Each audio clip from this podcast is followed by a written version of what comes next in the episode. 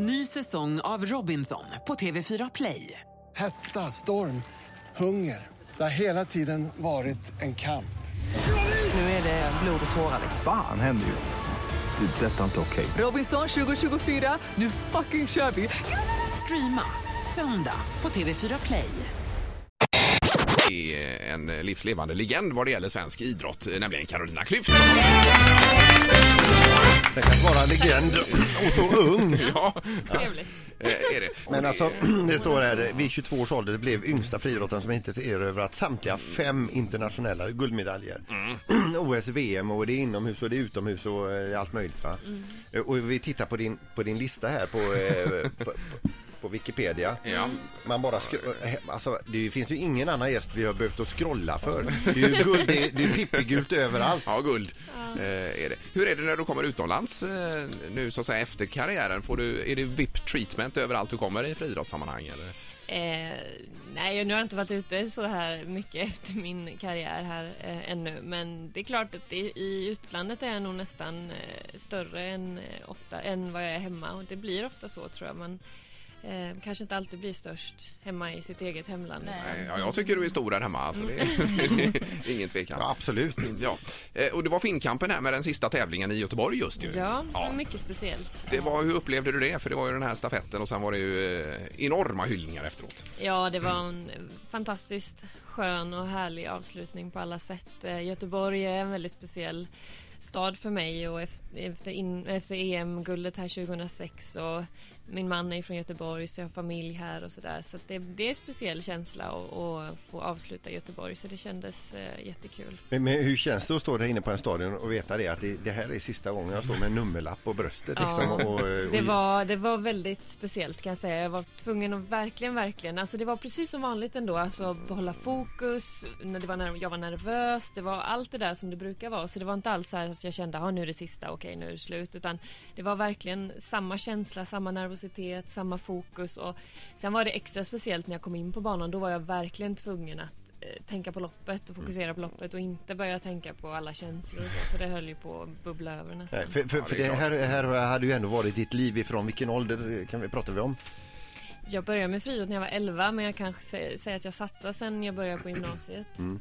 Så det är klart att det är, det är många år, det är speciellt. Det är fortfarande speciellt och, och in, nu när jag har slutat att jaha, nähä, jag har inte min idrottsbubbla att kliva in i när man behöver bara lämna det, verkligheten och in och fokusera på idrott. Utan nu ska jag vara här ute i verkligheten och Men hur har det känts efter? Känns det tomt?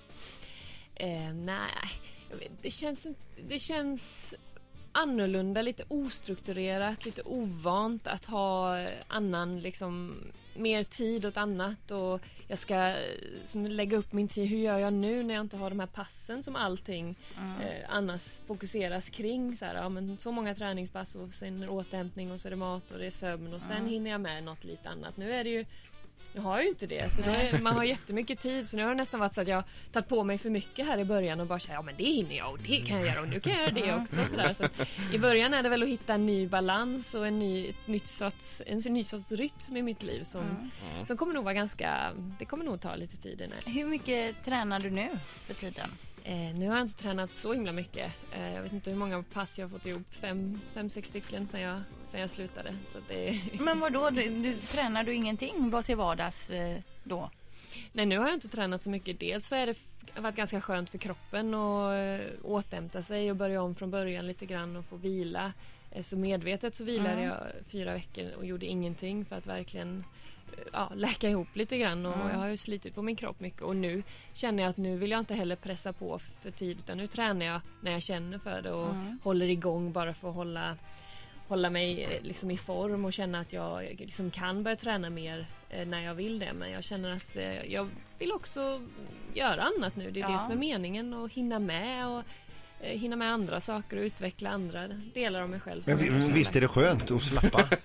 Det är faktiskt väldigt skönt. Framförallt så kände jag första passet jag gjorde så här att nej men, jag tränar ju med helt annan känsla i kroppen när man inte känner att jag behöver prestera och pressa. Även fast jag alltid är den typen att jag kanske pressar mig i slutändan. Men det är ändå skönt att kunna så här, ja men jag måste inte prestera på passet. Jag måste inte kräma ur allt jag har utan jag kan verkligen göra det till en gräns som känns skön och så räcker det där. Ja, visst. Och det var ganska skön känsla. Det har man aldrig upplevt riktigt på det sättet. Att det, ja, ja, ni förstår vad jag menar. Nej, jag, Ja, jag upplever det ofta.